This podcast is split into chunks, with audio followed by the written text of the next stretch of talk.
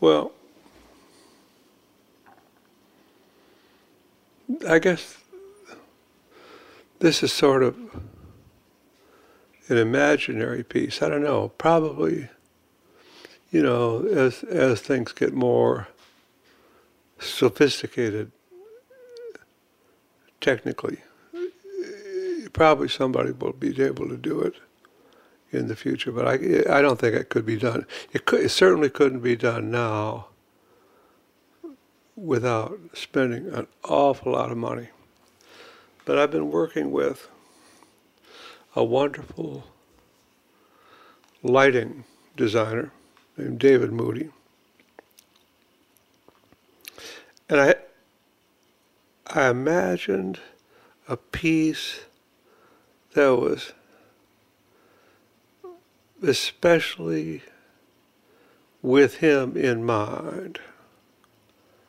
And I guess I should start by just describing the physical situation of the piece. I imagine a, a rather large gallery, flat floor, with maybe a hundred or two hundred very comfortable chairs, uh, with an extraordinary um, lighting capability. I mean, the whole gallery ceiling would be would be a grid that would hold lights, and it would take. I imagine it would take David a couple of weeks to design the piece. But what it basically can, what it would basically look like is that in front of the audience there would be two pillars like Roman pillars, like, like pillars from antiquity, maybe a foot in diameter. I'm not sure of. Let's say the pillar, each pillar is a foot in diameter and maybe 10 feet tall, but without any lintels. So there'd just be the two pillars in front of the audience. And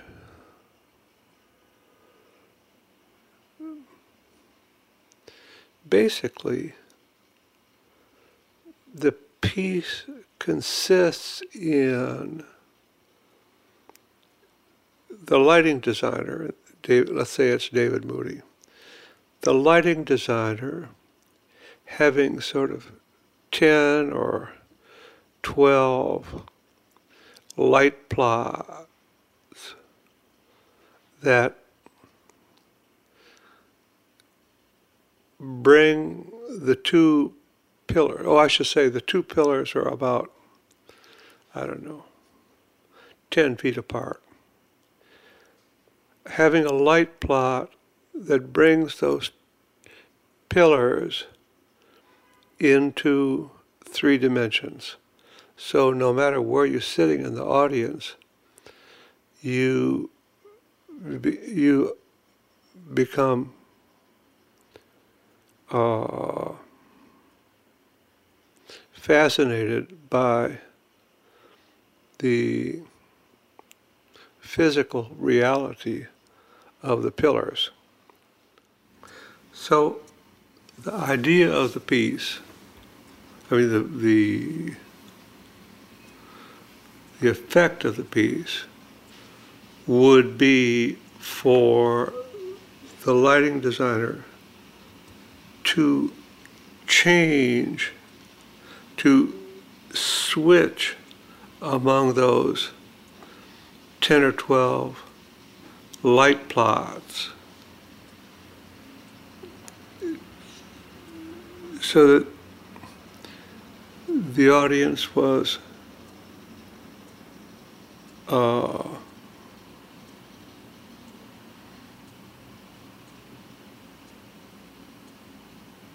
more and more drawn into the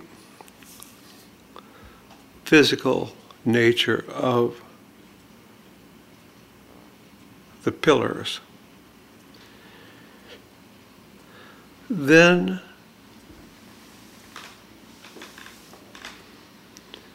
over the course of the piece, which might take, say, 45 minutes to an hour. It was, it would, I wanted it to take a long time. The, the lighting director who is calling the plays to uh, a technician, uh, who, to a technician at the lighting board. Uh,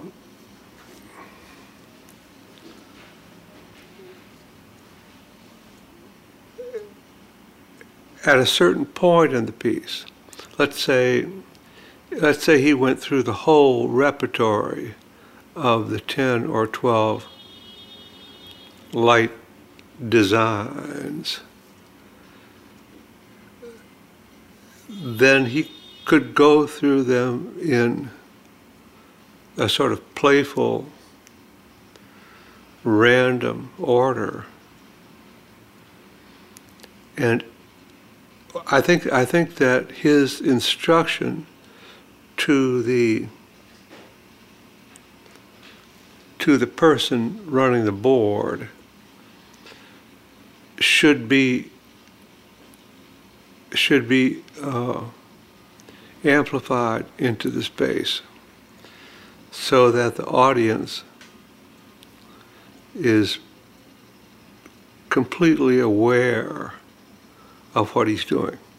And what he's doing basically is going from light plot number 12 to light plot number 2 and light plot number 2 to light plot number 8 in, you know in that random order and every time he goes to a different light block, he he pulls down the intensity of the lights. He pulls down the intensity of the lights so that the light, the lighting of the pillars continues to, uh, what you say, continues to reinforce the physicality of the pillars. But as the piece gets from, say, a third of a third of the duration to the end, and I don't know what this would have to be determined by playing it many times. As as the description, as the piece goes from the beginning to the end.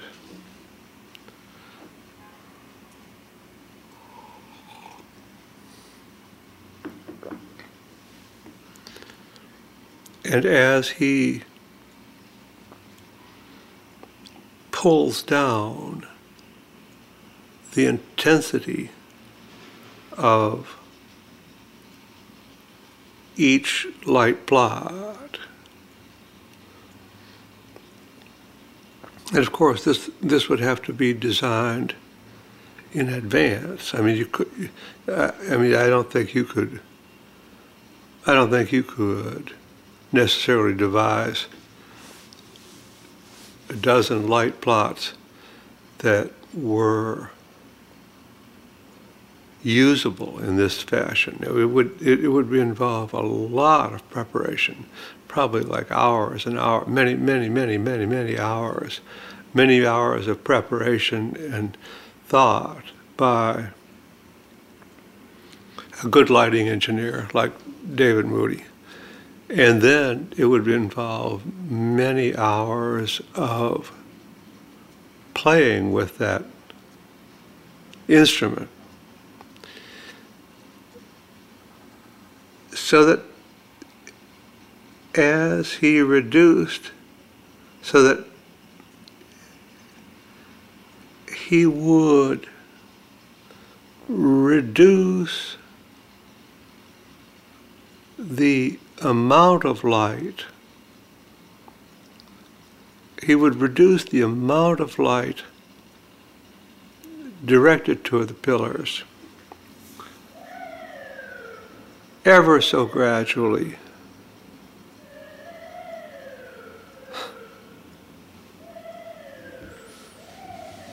He would reduce the amount of the light intensity directed at the pillars ever so gradually until he got to a point where there was virtually no light at all. So that the audience would so that the audience would see those pillars in their imagination in in what would eventually be complete darkness. I mean, I think you would have to plan the gallery so that there was no incidental light at all. And what you would be aiming for would be a situation toward the end of the piece where the light the light plots or the light programs would be on the edge of there not being any light at all. And then, and he would, he would still be talking. He would say things like, okay, let's use number eight and number the number eight light plot would come on, and he then he would say to the engineer, "Let's bring that down." Uh, I don't know how I don't know how lighting guys talk to each other, but let's bring that down by a couple of degrees, and then let the audience look at that for a few minutes, and then he say, "Okay, well." Let's go now to number three. Now, number at this point, number three might be brighter than number eight, so he would say, "Okay, let's let's bring down number three to a certain point, and then he would go say to number twelve." And again, number 12 would probably be much brighter than number three. Not, I mean, the whole thing wouldn't be bright, but it would be, it would, it would have more intensity than number three. And so he would gradually reduce all of those light plans until the point where changing from one to another would would be would result in changing one kind of darkness to another kind of darkness so the last the last few minutes of the piece. I don't know how we would have to we would have to play with this until until it it worked. You know, the last few minutes of the piece would be uh, changing light plans that were essentially without any light. So you'd say like, okay, we'll go to number two, and there wouldn't be any light in number two, and you'd stay there for a few minutes, and you'd then you say, okay, well let's go to number eight, and the people in the audience would remember by this time, probably or maybe, I hope, would remember what number eight looked like. And so he would be directing imaginary light changes in almost total darkness. So in the last few minutes, there wouldn't actually be any light in the room, except maybe occasionally if you know if if you went to to plan number one and there was still some light in plan number one, he could bring that down. And then if you went, you know, in other words, he's he's bringing down each of those light plans to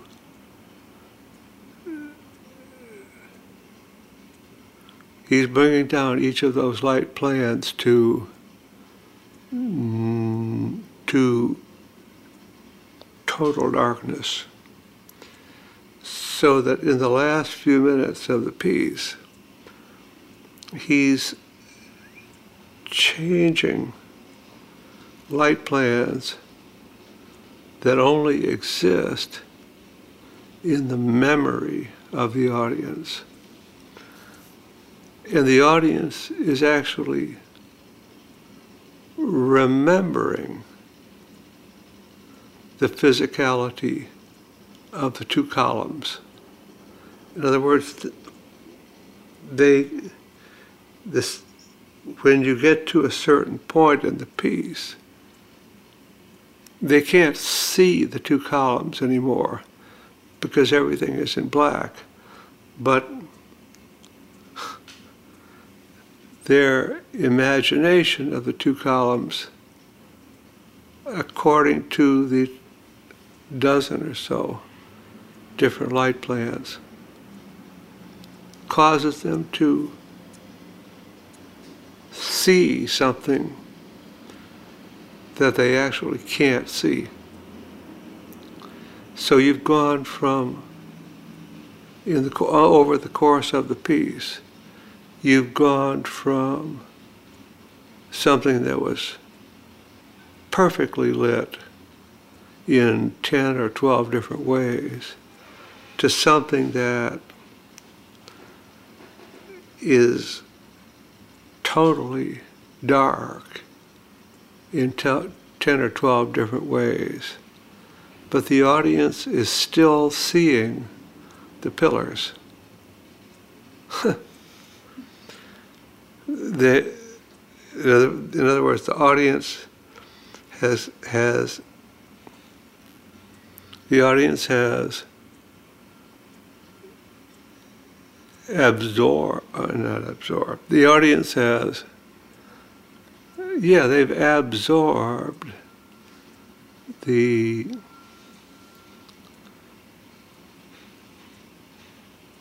the varying degrees of physicality of the two pillars so that when the lighting designer is calling changes in the light plot, those changes only exist in the imagination of the audience. Does that make any sense to you? Yeah. Well, so in other words, you've gone from total light to total darkness, but the pillars are still there and fully, what do you call it? You fully appreciate it in a, in a, in a sensual way by the audience uh, because of their their involvement in the light plots. So um, finally, when the piece is over, the room is totally dark, totally dark. But the audience can still see the pillars. Does that make sense? Okay, I think we did it.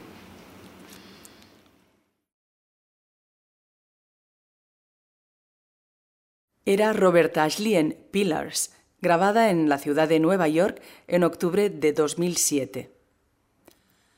A continuación podremos escuchar Yellow Man with Heart with Wings, con la voz de Guillermo Greiner, una obra encargada a Robert Ashley en 1978 por la radio KUNM de Albuquerque, Nuevo México.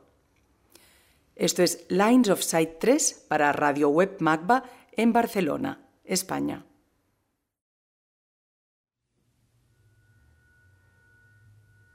Para poder bajarse de los árboles, la gente necesita un plan.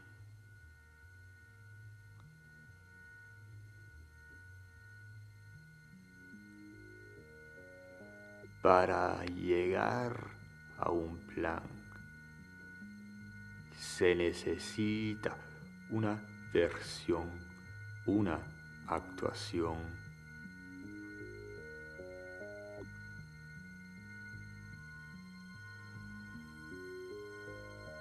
Mi mente está llena de dudas. Necesitan agricultura.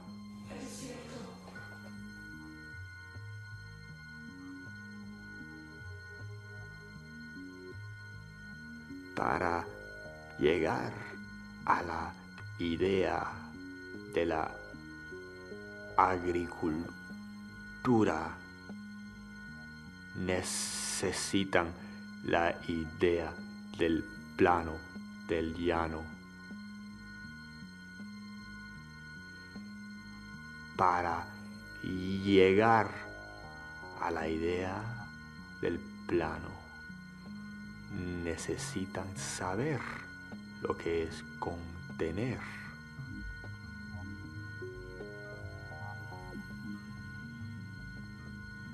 La idea de gravedad.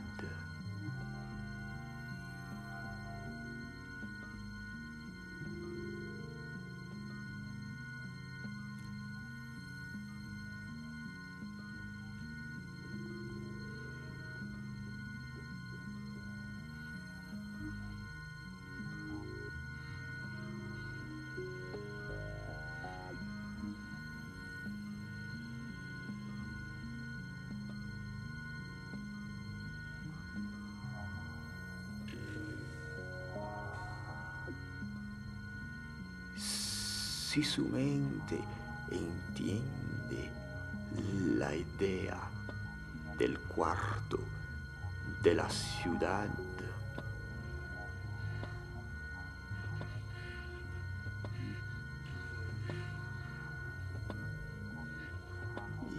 ya es muy tarde para usted.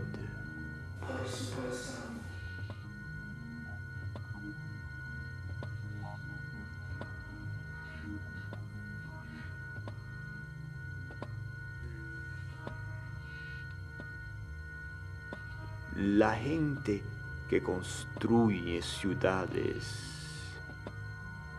están condenadas a mover rocas y luchar contra ellas.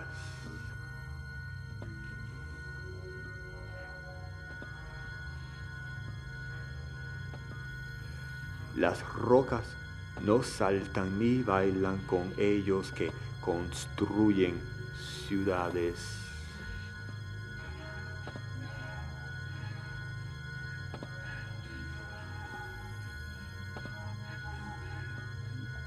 Las rocas se hacen las muertas frente de los que construyen ciudades.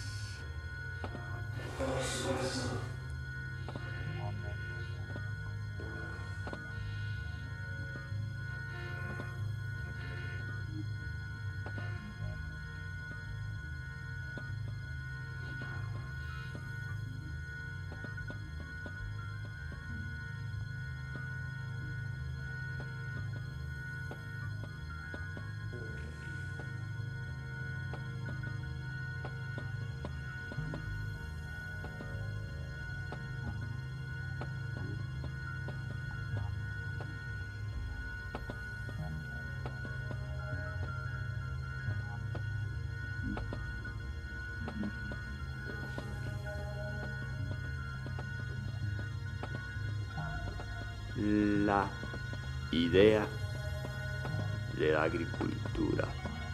No se trata de alimentar a la gente.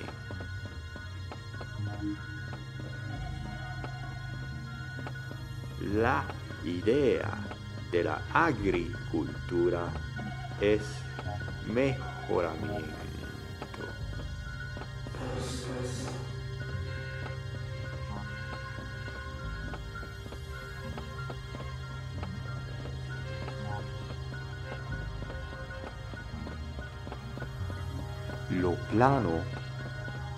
Como solución al problema de la gravedad.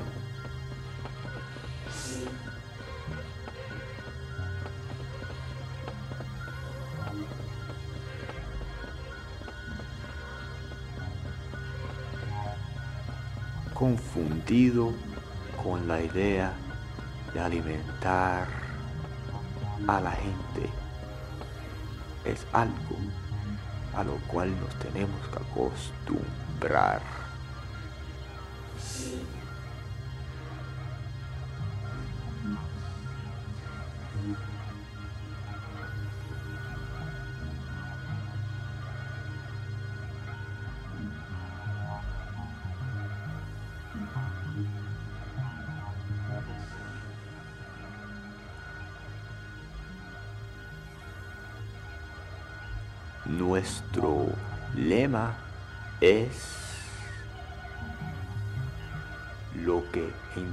Entretiene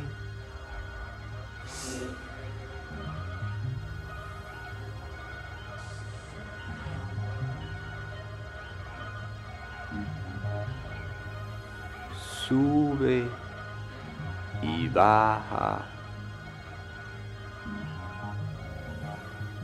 las rocas ya no bailan.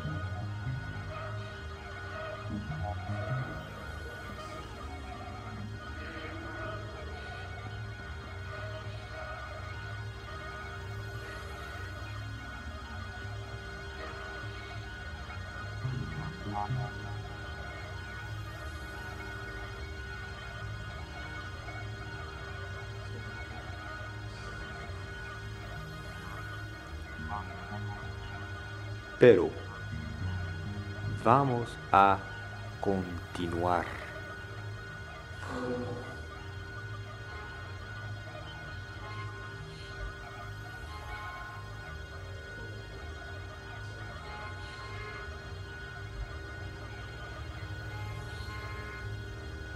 más tarde tendremos tiempo de hablar sobre la agricultura.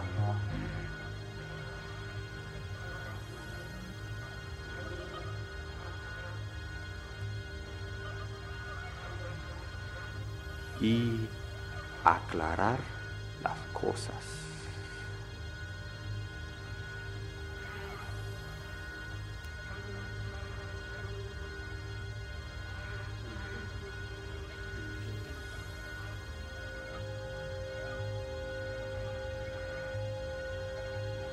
Ahora continuamos al mensaje.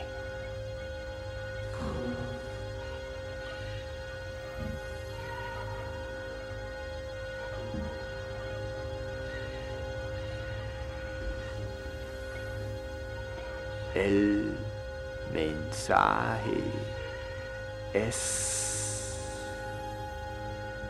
están armados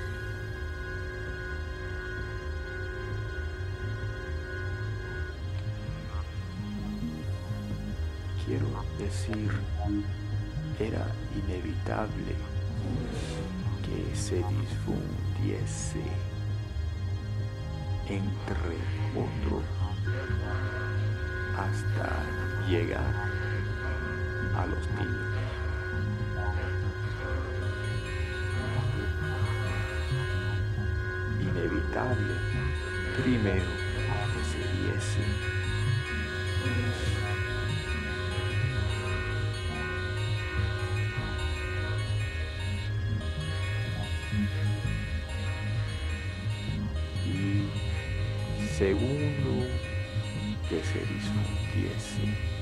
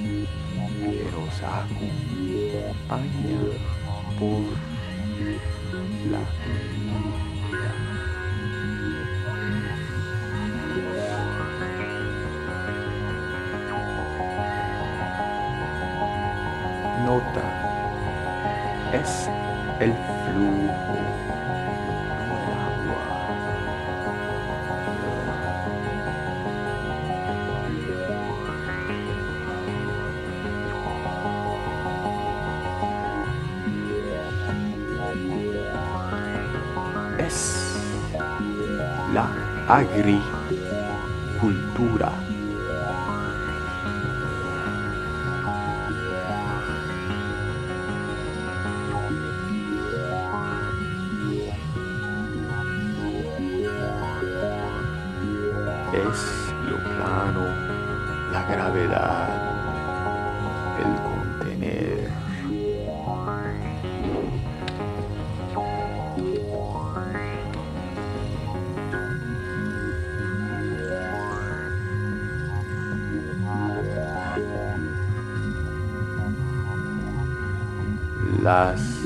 Necesidades de la gente y la idea del más allá.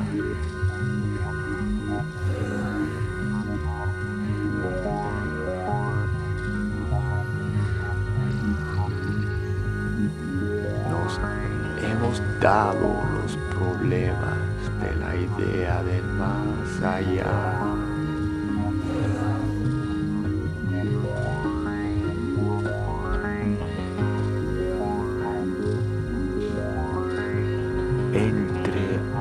Altos horizontes,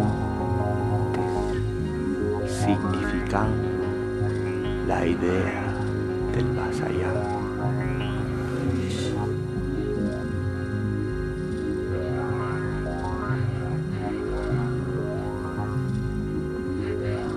Existen, por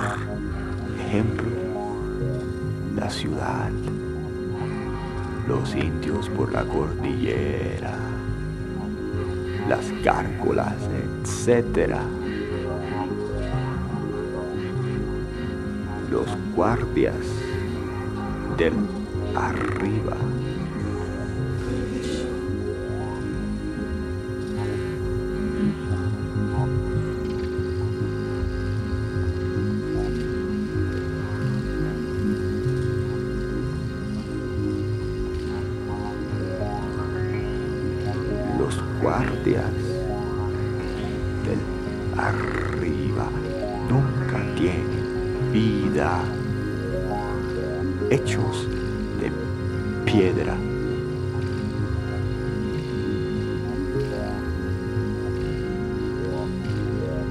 Listos a criticar.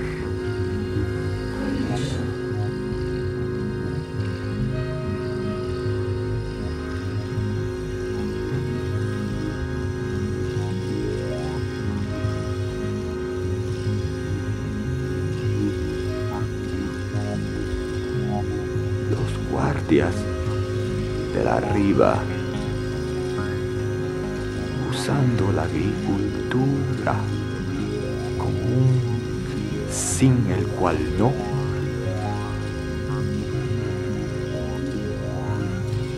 Han establecido dentro de nosotros una ley fundamental.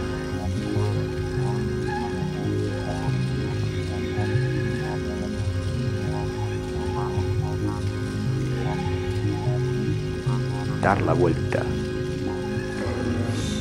Es decir, ir por la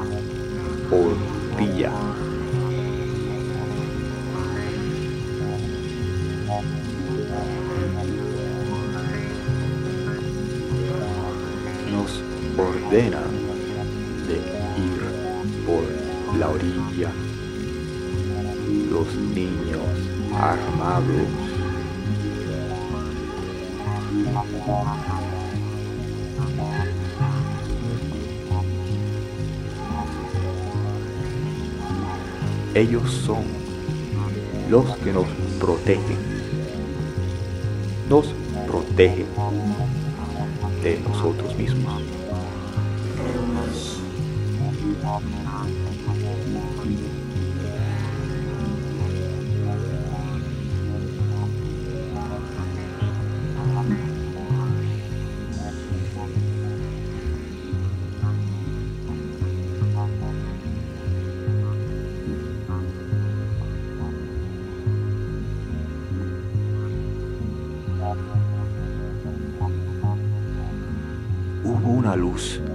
Blanca, brillante, ciegante, que todo cubrió. Fue todo lo que pude hacer, no dormirme.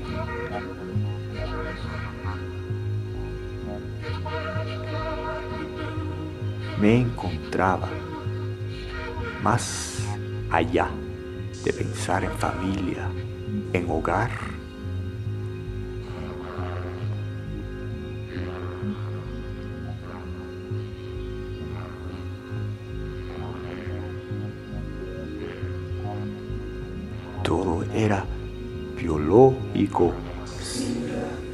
Yo contra la blancura.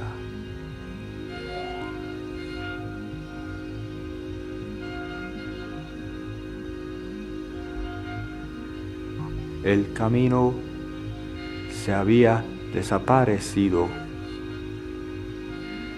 ¿Cómo estar seguro que iba por la orilla?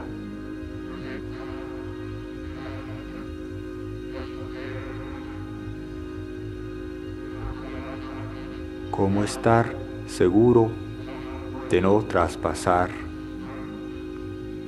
Yo contra los niños.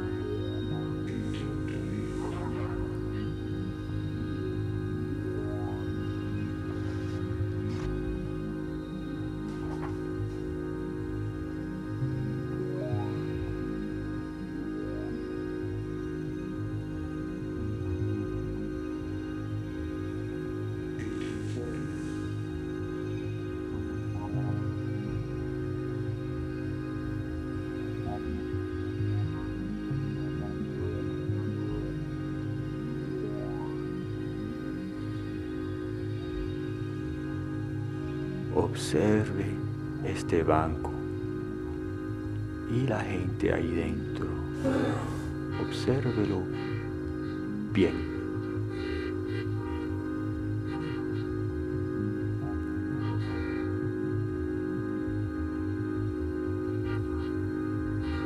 Los contornos de la tierra son los contornos de mi mentecita.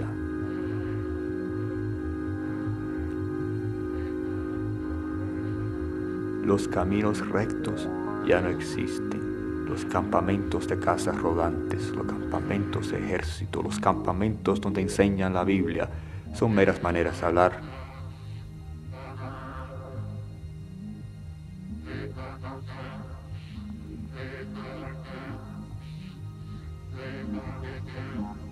Hábitos intentados a esconder la naturaleza real de la geometría la cual es la agricultura modelo.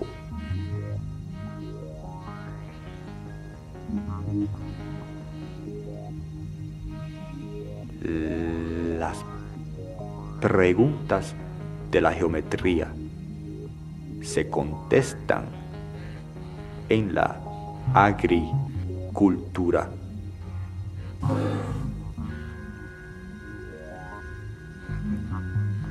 Y en el banco.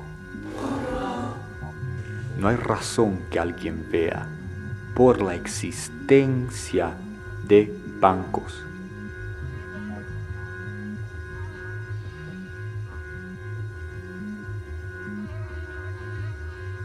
¿Por qué tener algo que dificulta las cosas?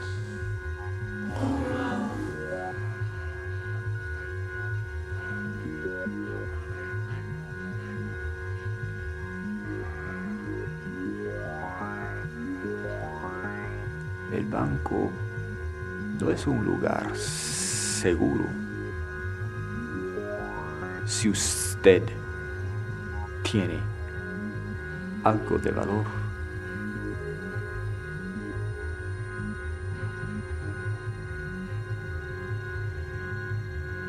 el banco no es un campamento.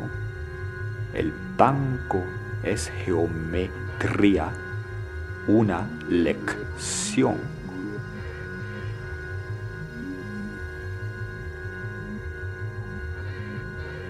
El banco es agricultura, nuestro plan.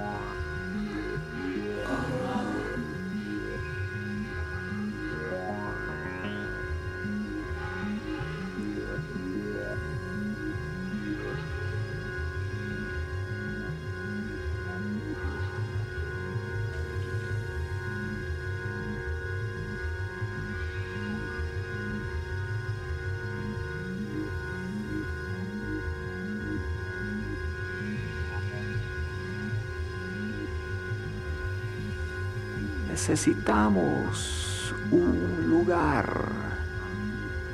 donde sentir lo que sentimos en el banco.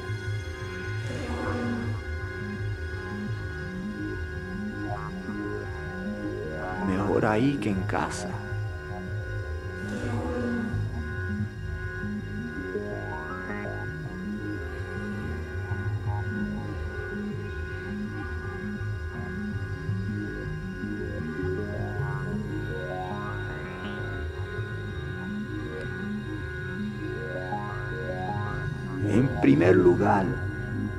Uno se siente tan mal ahí. Segundo, le pertenece el agua.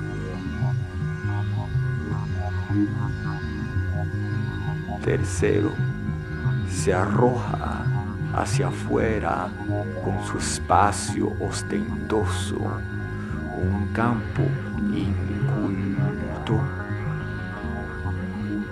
sus esquinas.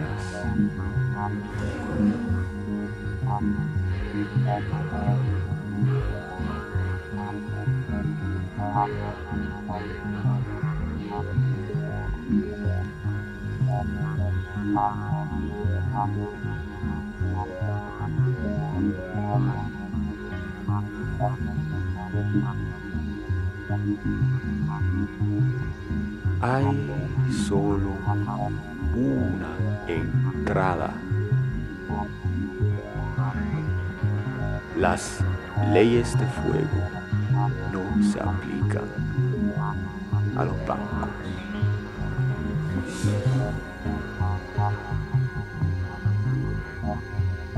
Las rocas sufren bajo varios grados de muerte.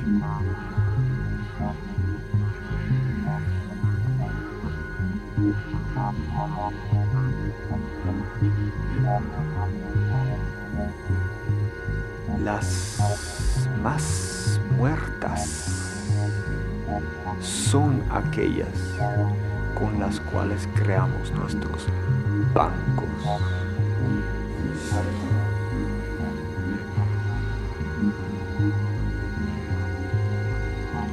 Un banco poroso no es un banco, ninguno.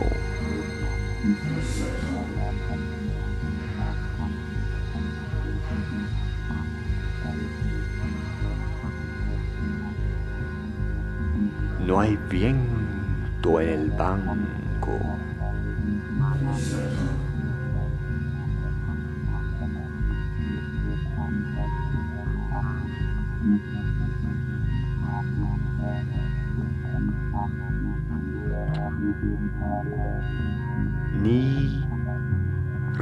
Rapidez, ni velocidad.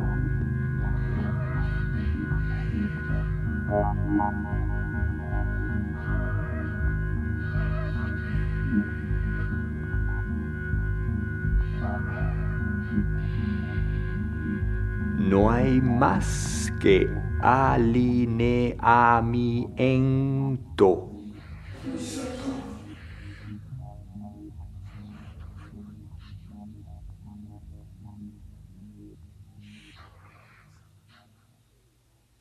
¡Qué cosa más simple! Muchas gracias.